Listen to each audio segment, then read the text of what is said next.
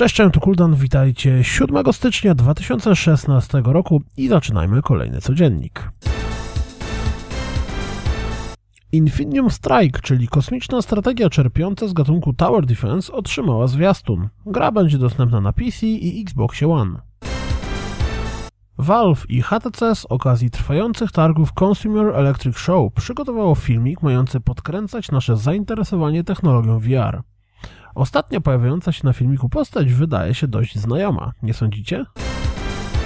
Arcade'owa strzelanina z robalami The Bug Butcher zadebiutuje na Steamie 19 stycznia i z tej okazji otrzymaliśmy jej zwiastun.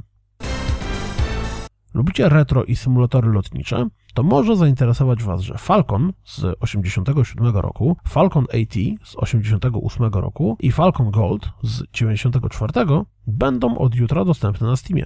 Każdy za odpowiednik około 5 dolarów. A ja myślałem, że to Turok był odgrzebywaniem prehistorii. Visual novel The Sad Story of Emmeline Burns jest dostępne za darmo na Steamie.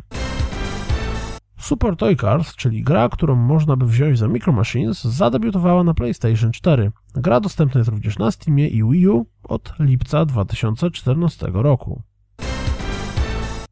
Przygodówka w starym stylu Agatha Christie The ABC Murders, opowiadająca o zmaganiach Herkulesa Poirot z tajemniczym mordercą, zadebiutuje na PlayStation 4, Xbox One i PC już 4 lutego.